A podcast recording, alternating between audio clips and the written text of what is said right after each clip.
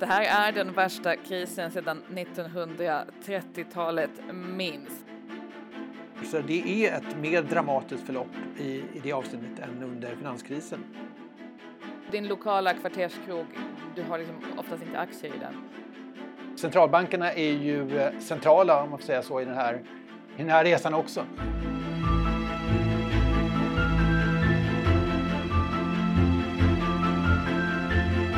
Detta är Molén och Marsal och igår kom nya prognoser från IMF. Hur illa är det, Claes?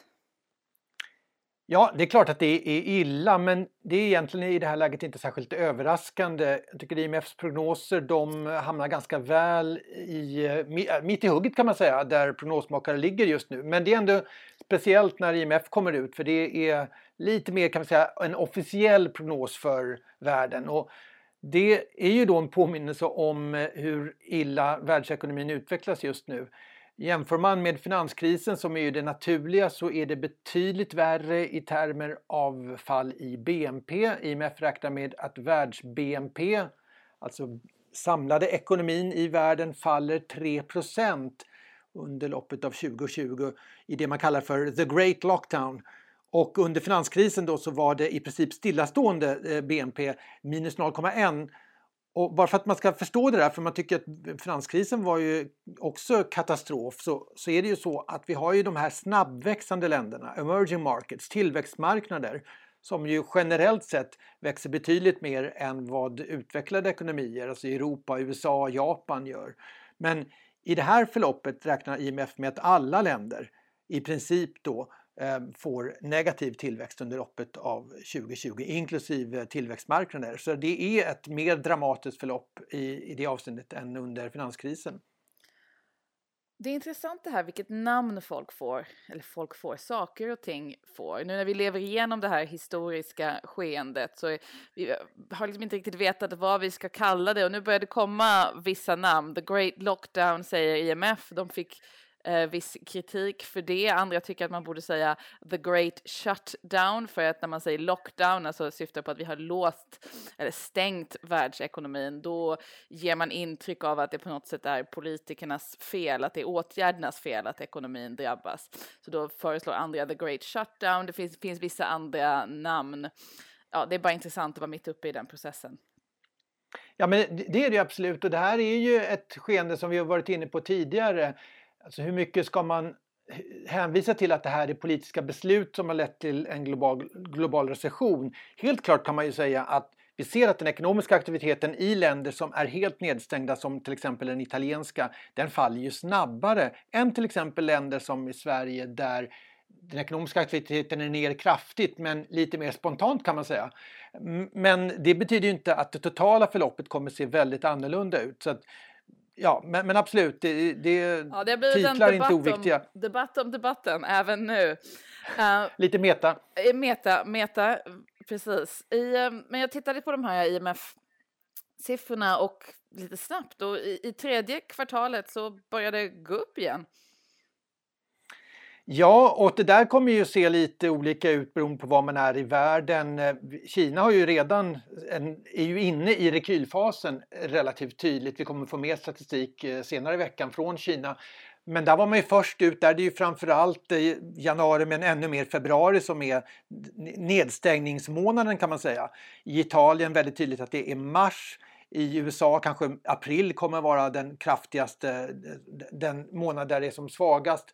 Eh, men IMFs prognoser, som skulle jag säga de flesta, bygger på att ekonomier under loppet av det tredje kvartalet kommer att öppna upp igen. Mm. Och det finns ju osäkerhet naturligtvis. Vi vet ju inte hur själva pandemin kommer att utvecklas. Men tittar vi på den data som finns att tillgå så ser det ändå ut som att själva pandemin är på väg att kulminera i Europa.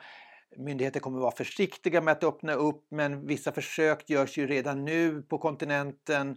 Eh, och fortsätter det och, och, vi inte får något bakslag här så, så är det helt rimligt att tänka sig att bara det att man öppnar upp gör ju att man får en ganska kraftig rekyl i ekonomisk aktivitet. Mm.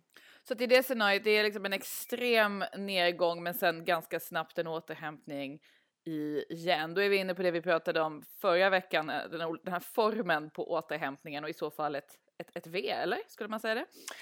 Jag tycker att det, det, är liksom för tidigt att säga att det är ett V bara för att man får en snabb uppgång. För att går man ner 100% som man ju definitivt har gjort i vissa sektorer så krävs det inte mycket för att det ska ja, statistiskt se ut som ett V kan man säga. Ett, men, ett väldigt men är, utsträckt V på en väldigt, ja precis. Ja, ja men det, jag tycker för att det ska vara ett riktigt V då ska man ju tillbaka till aktiviteten som, där den var innan och det, det är ju för tidigt att säga. Vi vet inte så att säga, den här permanenta skadan som nedgången har... Just det. Och när, när har... trodde IMF att man var det? 2022? Nu kommer jag inte ihåg. Precis, att de tänker sig att även efter 2021 så har man ju mm. förlorat eh, BNP på nivå. Så det är ju inte så att det här är egentligen en V-formad återhämtning i den bemärkelsen utan det är en mer utdragen process för att komma tillbaka till där man var innan. Ett utdraget V, om det nu fortfarande kan vara bokstaven V. Och sen har de tre stycken alternativa scenarier som inte alls är, är lika positiva då, där de, de räknar på det första att nedstängningen skulle vara 50 procent längre än de har tänkt sig och det kan ju tyckas rimligt, kan jag tycka här som sitter i Storbritannien som där vi skulle få komma ut från våra hus här i veckan, men nu blir det ytterligare en månad och det känns som att sånt kan definitivt hända, vilket naturligtvis skulle få ekonomiska effekter. Det kan man se i IMFs beräkningar. De har ett en andra mer negativ scenario om det blir en andra våg av viruset nästa år och sen då förstås om det blir någon kombination av ovanstående, alltså längre nedstängningar av de formella ekonomierna, andra eller tredje vågar av viruset och så vidare. Och då blir det helt andra ekonomiska resultat, eller? Ja, så blir det ju. Och det här är ju inte sedvanliga prognoser i den bemärkelsen som man brukar använda sig av, modeller och så vidare, utan här är det ju mer alltså, räkneexempel fortfarande kan, kan jag tycka att man ska kalla dem för att det, vi har ju de här extrema fallen i BNP och sen är det bara att liksom anta vissa vissa tillstånd för ekonomin. Mm. Men det är också det här när det gäller återhämtningen att vi vet ju inte vad som händer när man, även om det är tillåtet till slut då i Italien till exempel att gå ut och allting är öppet som vanligt, i vilken utsträckning som hushåll kommer vara mer försiktiga än tidigare. Alltså blir det, blir det att man går tillbaka till det gamla Eh, gamla beteendet eller är det mer som i Sverige där det ju faktiskt är tillåtet att bete sig i princip som vanligt fast myndigheter rekommenderar att man ska vara försiktig? Ja, då är det en ganska liten återhämtning, kanske mer liknande något av de här riskscenarierna för IMF. Så det finns väldigt mycket osäkerhet, inte bara när det gäller själva pandemiska förloppet utan också hur kommer det här påverka hushållens beteende när väl myndigheters krav och begränsningar släpper. Ja, och hur de olika åtgärderna i sin tur påverkar de beteendena på längre sikt på olika sätt. Jag har själv tänkt på, på det som boende här i Storbritannien där det verkligen har varit, du får brev från regeringen och Boris Johnson säger till dig på tv att du inte får gå ut, gå ut förutom en gång om dagen jag känner själv att det nog rimligen kommer förändra mitt långsiktiga beteende mer än kanske vad det här kommer förändra många svenskars långsiktiga beteende. I till exempel, jag bor på landet, kommer jag åka in till London så ofta som jag gjorde tidigare? Jag, jag, jag känner själv att det där kommer ha en beteendeförändring hos mig själv just för att staten har tagit till så enormt eh, starka medel och poliser går och bötfäller folk på gatorna och så vidare. Ja, nej, men det, det finns ju konsekvenser här som rimligtvis spänner över väldigt stora delar av, av samhället, ekonomiskt såklart men också politiskt. Eh, så, så att det, återigen, osäkerheten är i det närmaste total både när det gäller det kortsiktiga förloppet, när det gäller återhämtningsfasen men också när det gäller de permanenta effekterna på ekonomi och politik och beteende. Så det, därför så är det väldigt svårt att vara övertygad om ett visst förlopp. Och det uttrycker ju också IMF att här finns det väldigt mycket osäkerhet. Det är väl ingen prognosmakare i det här läget som att säga, är gift med en specifik syn. Mm, mm. Men en sak verkar de i alla fall vara överens om nu, att det här är den värsta krisen sedan 1930-talet minst. Och om det då är sant, som ganska många som sitter och funderar på det här nu säger, varför är börsen då på så relativt sett bra humör, Claes? Ja, det är en mycket bra fråga. Alltså börsen, och här beror det på vilket index man tittar på, men vi tar den amerikanska börsen, Stockholmsbörsen utvecklas ungefär likadant. Så när det var som värst under loppet av mars, då föll den som mest eh, 30, dryga 30, omkring 34 procent från toppen. Under, alltså toppen 2020 till botten i mars. Och det kan man jämföra då med eh, under finanskrisen, då var amerikanska börsen ner eh, ungefär 50 alltså en halvering. Och eh, det, då kan man tycka, men om det här är värre än finanskrisen, varför inte börsen mer ner än den är? Och nu har den dessutom rekylerat väldigt kraftigt. Och det är klart att börsen ska ju till att börja med blicka framåt, men i det här sammanhanget, vi har pratat om det här mycket, men man måste ändå komma tillbaka till det, att de stimulanserna som har sjösatts runt om i världen, men inte minst, eller snarare mest i USA, de är enorma. Och de får faktiskt finanskrisens stimulanspaket att blekna, i alla fall se ganska små ut. Och det gäller ju både vad finanspolitiken har gjort och jag skulle säga att finanspolitiken har ju reagerat mycket snabbare den här gången efter, än efter finanskrisen. Men inte minst då vad, vad Fed har gjort. Och till att börja med, man kan säga att det finanspolitiska stimulanspaketet som har kommit än så länge från USA, det är drygt dubbelt så stort som vad, vad som var fallet under, eh, under 2008-2009. Okej, okay, så det är en annorlunda kris i bemärkelsen att det politiska och penningpolitiska och finanspolitiska svaret är på en helt annan nivå. Finns det någonting annat med den här krisen som gör att börsen svarar på det här sättet? Jag, jag tror också man kan tänka sig, vi har varit inne på det tidigare, det här är ju en kris som i störst utsträckning drabbar den domestika tjänstesektorn. Och inte minst då som är väldigt tydligt i länder som är nedstängda, restaurangnäring, hotellnäring, turistnäring men naturligtvis mycket bredare än så. Man kan tänka sig här att investerare tycker att jo, men de noterade börsbolagen, framförallt de multinationella, de påverkas naturligtvis. Vi har leverantörskedjor som, som har förstörts eller i alla fall tillfälligt drabbats. Men epicentrum av krisen är inte på samma sätt de stora börsbolagen som det kanske var under finanskrisen. Okej, okay, och, och din lokala kvarterskrog, du har liksom oftast inte aktier i den? Exakt, så att vi får liksom, börsen får ta del av stimulanspaketen men inte drabbas kanske lika hårt i bästa fall av av effekterna av krisen. Men det där är ju vanskligt att säga. Vi har ju som sagt inte ens passerat fas 1 av den här krisen. Så i, vanligtvis brukar ju saker och ting hänga ihop mer än vad man önskar sig kan man säga. Och därför så är det för tidigt att säga om den tolkningen, i den mån som den ligger i investerares perspektiv, är korrekt. Mm, jag förstår. För att få ett, ett perspektiv på de här helt historiska åtgärderna som du gick igenom mycket föredömligt här för någon minut sedan och som då har lugnat i alla fall eh, börsen tillfälligt så krävs det en historiker, eller för mig krävdes det i alla fall en historiker. Adam Tooze skrev en lång essä i The Guardian här i, igår och um, som fick mig att bara så här, sitta upp och verkligen för första gången tror jag nästan i alla fall lite grann förstå vad vi har varit igenom den här senaste månaden. Och eh, Adam Tooze, för er som inte känner till honom, han är då en av världens främsta ekonomihistoriker egentligen. Han blev känd för sitt verk om Nazitysklands ekonomi som heter The Wages of Destruction, som man kan läsa om man sitter i karantän. Um, som eh, var väldigt eh, ja, banbrytande. Han argumenterade ja, till, kring alla de ekonomiska skälen till varför Hitler förlorade kriget och så vidare. Om man eh, är nördad på sånt så är den där väldigt intressant.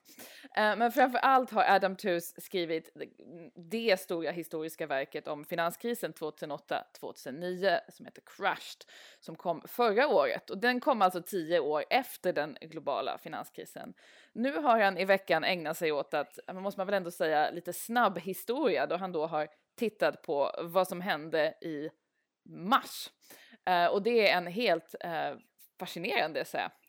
Den är ju, eh, ja, som du beskriver, den är ju, den är ju väldigt välskriven och den är ju liksom rafflande och här får man ju, förutom att man får en bra, bra beskrivning av vad, vad centralbanker framförallt har gjort så är det ju också en bra beskrivning av den makt och de befogenheter som centralbanker har, alltså på gott och ont. För här är det liksom inte det här politiska segdragna förhandlingar mellan de politiska blocken utan det är just liksom action som gäller. Det är snabba beslutsvägar och enorm kraft bakom besluten. Så det, det, är en bra beskrivning tycker jag mm. av eh, hur, hur det kan fungera i kris i centralbanksvärlden. Och den ganska enkla poäng som jag tycker att han verkligen lyckas ro hem i den här eh, essän som då är skriven utifrån hans roll som historiker som tittar tillbaka ett par veckor. Det är då alltså just att vad som hade hänt om vi förutom den här pandemin och de här eh, stängda ekonomierna och igenbommade restaurangerna också hade haft en global finansiell kollaps nu fick vi inte det och den här essän beskriver varför vi inte fick det. Men den här bilden han målar upp att, att ja, tillgängligheten på kredit försvinner, ingen vill låna till hushåll, företag och stater explosion av statliga underskott eh, samtidigt som räntorna går upp om företag inte kan låna. Eh, den situationen, vi var nära en, den typen av global finansiell kollaps också ovanpå alla de andra problem och där är vi just nu inte. Det perspektivet får man väldigt väl tycker jag av den här essän. Ja, och, och, jag tycker det är intressant. Eh, jag tror han tar upp det också, för vi, vi, det där är ju oklart för marknaden. Hur, hur mycket finns den här skydds, eh, skyddsnätet från centralbanker framförallt men också från finanspolitiken. Och går vi bara tillbaka någon månad i tiden så har vi ju ECBs eh, liksom, säga, första penningpolitiska möte i samband med krisen och den nytillträdde ECB-presidenten Christine Lagarde hon då pekade ju på att vi är inte här, för, som hon uttryckte för att stänga spreadar och det hon uttryckte då var just det här att vi ska inte skydda eh, Italien. i det här fallet då Italien var det ju precis, eh, genom att se till att deras lånekostnader, alltså räntor, är lägre än de annars skulle ha varit genom att köpa italiensk statsskuld. Så hon kommer ju med den liksom, e-, en, egentligen ett mardrömsbudskap till marknaden. Vi finns inte där, sa ju hon, under några minuter och sen blev det ju eh, väldigt pudlande därefter för hon, ja, kanske lite naivt kan man tycka, tänkte ju att hon ville lära marknaden en läxa.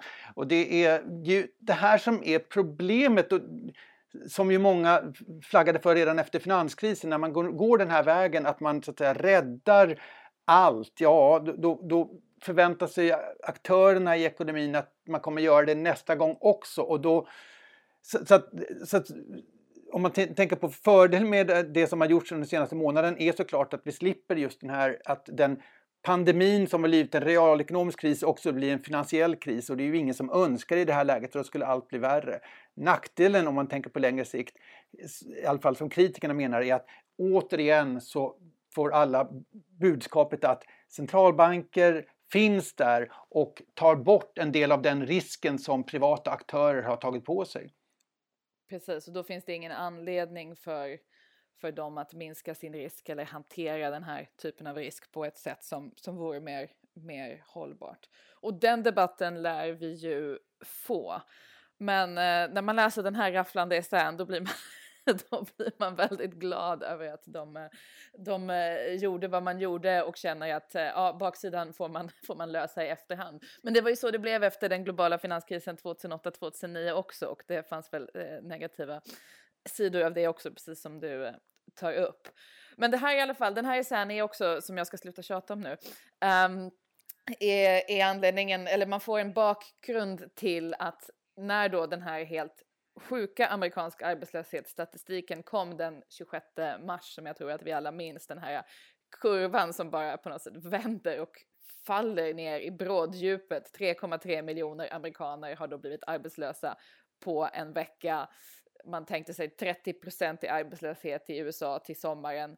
Den dagen, den 26 mars, då ryckte börsen i princip på axlarna. Och när man då läser Adam Tooze eh, essä, då ja, man får en, en, en bra bakgrund till hur det kunde komma sig.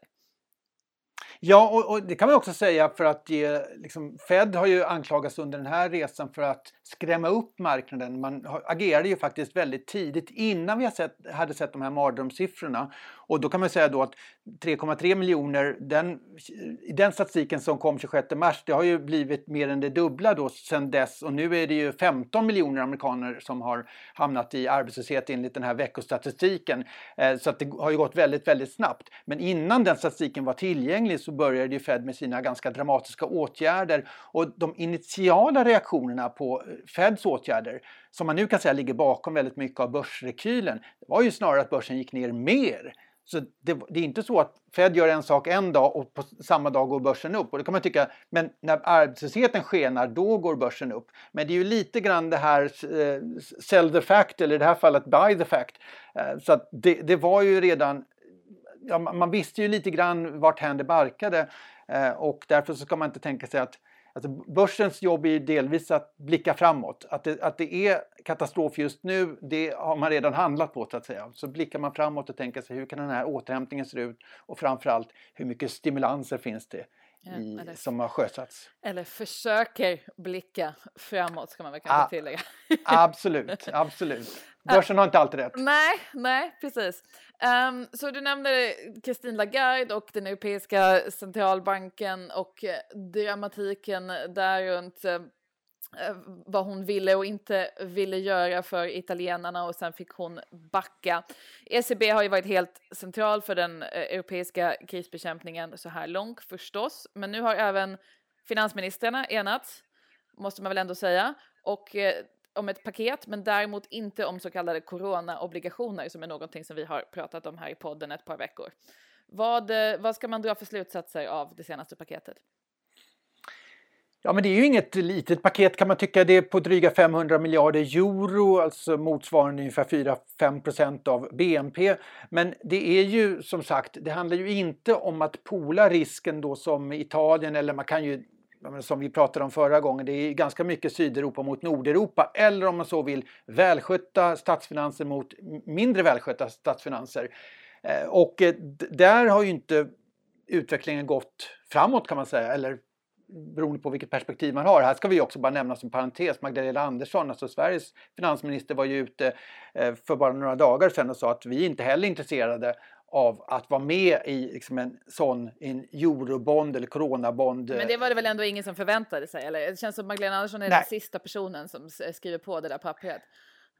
Ja, men jag tror också att man har med sig väljare både i Tyskland, Nederländerna, Sverige, Finland och så vidare. Det, man får inte glömma bort här som en parentes att eh, om man tar svenska skattebetalare, de har gnetat ner statsskulden sedan den svenska finanskrisen på 90-talet och det är klart att eh, det, det kanske tar emot då att eh, så att säga ta på sig den, om man ska överdriva lite, den italienska också. Jo, precis, men då skulle jag... till exempel en spanjor säga att deras statsfinanser minsann inte var särskilt dåliga innan eurokrisen, utan att det hände som en effekt av, av eurokrisen och att man sen har drabbats av olika inbyggda obalanser i, i eurozonen. Mm. Absolut. Och, och, man kan ju gå tillbaka till bildandet av, av euron 1999. Då var det ju många som sa att man måste ha gemensam finanspolitik om man ska ha gemensam penningpolitik. Annars kommer man få spänningar som dyker upp i kriser. Varje, vid varje kris kommer de här spänningarna dyka upp. Och det kan man ju säga att det har ju också blivit fallet. Och nu har vi ytterligare en kris och då dyker ju de här spänningarna mellan länderna upp igen. Så att det är inte så att bara för att man inte kan enas i den här frågan så har man på något sätt löst den utan tvärtom så lever ju det här kvar som ett problem. Och en del har ju hävdat att eh, många av de här länderna som har varit för corona-obligationer har använt det i väldigt hög grad som en förhandlingsteknik, att man kanske inte förväntat sig att man skulle få eurobonds eller corona bonds, men det har varit liksom ett sätt att få debatt, flytta debatten i sin riktning. Ja, det kan man ju säga. Och eh, om man bara tittar på ECB under de senaste tio åren, om man tycker här att eh, tyskarna är tuffa och får liksom, sin vilja igenom så är det ju i själva verket så att tyskarna är vana faktiskt att bli överkörda i Frankfurt. Alltså när det gäller ECB-politiken så har ju den bedrivits ja, tidigare av en, av en italienare då, Mario Draghi, Eh, som ju har gått mycket längre än vad tyskarna skulle önska när det gäller de stimulanser som ECB har sjösatt. Så det är ju inte så att eh, Italien och de länderna inte alls har fått igenom någonting av det de önskar. Det är just bara att det här när man ska dela på Eh, skattebetalarnas börda, där drar väl tyskarna gränsen. Mm, mm. Men sen tror jag, det tror jag vi har sagt tidigare också, att den politiska logiken den här gången är annorlunda än den var i eurokrisen. Det är väldigt svårt att, att skylla den italienska situationen på italienarna nu. Uh, de har drabbats väldigt, väldigt hårt av den här pandemin och det ligger väl i allas intresse att den italienska ekonomin kan liksom klara sig igenom det här och komma ut på, på andra sidan. Så jag tror att det är liksom en politisk logik som lite grann går mer mot den nordeuropeiska positionen än vad den har gjort tidigare. Absolut, och det, det, det, finns ju helt klart solidaritet här på ett annat sätt just av den anledningen att det inte är någon som har betett sig vidlyftigt. Som, som har, utan här, här sker det ju någonting som är liksom en extern mm. Chock mm. som ingen egentligen kan beskyllas för. Mm. Ja, så för att börja sammanfatta lite grann, det är mycket skräcksiffror naturligtvis samtidigt som då slutsatsen om man tittar tillbaka på Mars som bland annat Adam Tooze har gjort, historikern, så får man väldigt starkt den här bilden av att det hade kunnat vara otroligt mycket värre om inte man hade gjort det man hade gjort och det man har gjort har varit helt gigantiskt i termer av paket och penningpolitik och så vidare. Um, men jag läste en annan provokativ tolkning av alltihopa på det här temat att det kunde varit värre av den brittiska ekonomen Jonathan Port som är på Kings College, eh, Cambridge, eh, legendariskt plats då det var där eh, John Maynard Keynes höll till till exempel. Men han påpekar i alla fall att den här typen av jättefall i produktionen på 30 procent faktiskt inträffade förra året också till exempel i Spanien så sent som i augusti. Och då noterade ingen den här typen av 30-procentigt fall. Varför då, Claes? Ja, du skickade den här artikeln till mig eh, och jag läste den. den som sagt, den är ju medvet, den är medvetet provokativ. Han pekar just då på att då tog spanjorerna semester Exakt. och då är det också en period med kraftigt eh, efterfrågefall eh, eller produktionsfall snarare. Efterfrågan skiftar ju jag vet inte riktigt, det kan man ju säga då att eh, stora delar av ekonomin går ju ner 100% under natten ja. och det verkar ju inte orsaka någon större kris. Eh, så att, jag... Det är en provokativ tolkning men poängen om man ska vara välvillig här så poängen han försöker göra är ju att, att det här, man skulle kanske på något sätt kunna se det här som någon form av semester. och semester klarar vi av i en ja. ekonomi produktionen faller så här mycket men det, det justerar man för. Nu var det här, han skriver att det här, den här eh, nedstängningen av stora delar av den formella ekonomin är ju någonting som vi gör för att vi vill göra det. Vi vill rädda liv och den är svårare för företag än en spansk semester då stora delar av Spanien stänger ner eftersom företagen inte har kunnat förbereda sig på det. Å andra sidan får de hjälp från, från staten och från centralbankerna på ett sätt som de inte har fått tidigare. Så jag tror att han använder den här provokativa eh, liknelsen för att, för att göra den typen av mer optimistisk tolkning av det hela. Ja, och det är klart, det här pekar ju bara på det ekonomiska naturligtvis, för det mänskliga är ju något helt annat än en semester. Men jag tycker ändå att det, det haltar ganska ordentligt för att om man ska tänka en semester som är planerad och alla känner till, där kan man ju planera också den ekonomiska eh, aktiviteten därefter. Här har vi en chock som kommer helt oväntat för alla aktörer i ekonomin och ska man räkna med att den chocken kommer eh, och slumpmässigt framöver så betyder det ett rejält annat beteendemönster eller en, en annan risk som ingen egentligen haft med i sin beräkning tidigare. Och, och, det är ju en av de här potentiella permanenta effekterna är ju just om riskbeteendet eller perceptionen av risk förändras dramatiskt, ja då får det också permanenta effekter på BNP, på ekonomin, på arbetsmarknaden. Så att det, det är det är ju inte minst det, det oväntade mm. och det, som ju, är den stora, stora skillnaden rent ekonomiskt. Ja, och det är väldigt svårt att se att det här inte får bestående förändringar på människors beteende. Det, det tror jag är väldigt, väldigt svårt att säga att det inte får helt enkelt. Så jag, håller, jag håller helt med. Men det är ett, eh, det är ett, eh, ett annat sätt att, att se på saken eller liksom ett annat, en annan berättelse om vad som har hänt rent ekonomiskt, ett annat perspektiv på skräcksiffrorna. Att det finns en, och sen menar ju Jonathan Ports då att det viktigaste handlar om att när väl vi kan väcka ekonomin ur den här koman eller den här semestern som vi har skickat ut den på, då måste vi stimulera som, som bara tusan. Det är egentligen hans stora policypoäng i den här texten.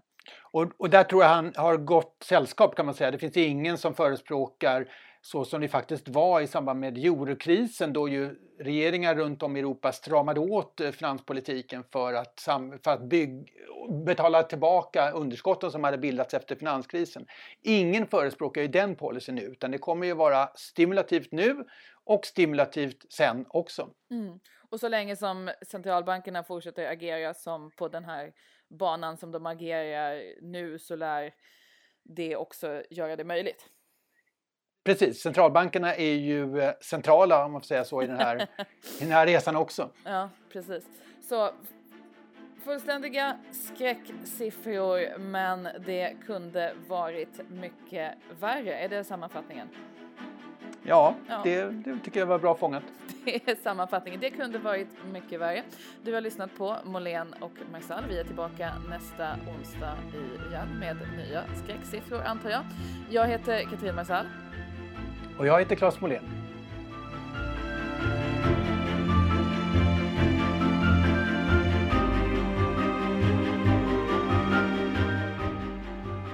Den här podden görs av EFN Ekonomikanalen.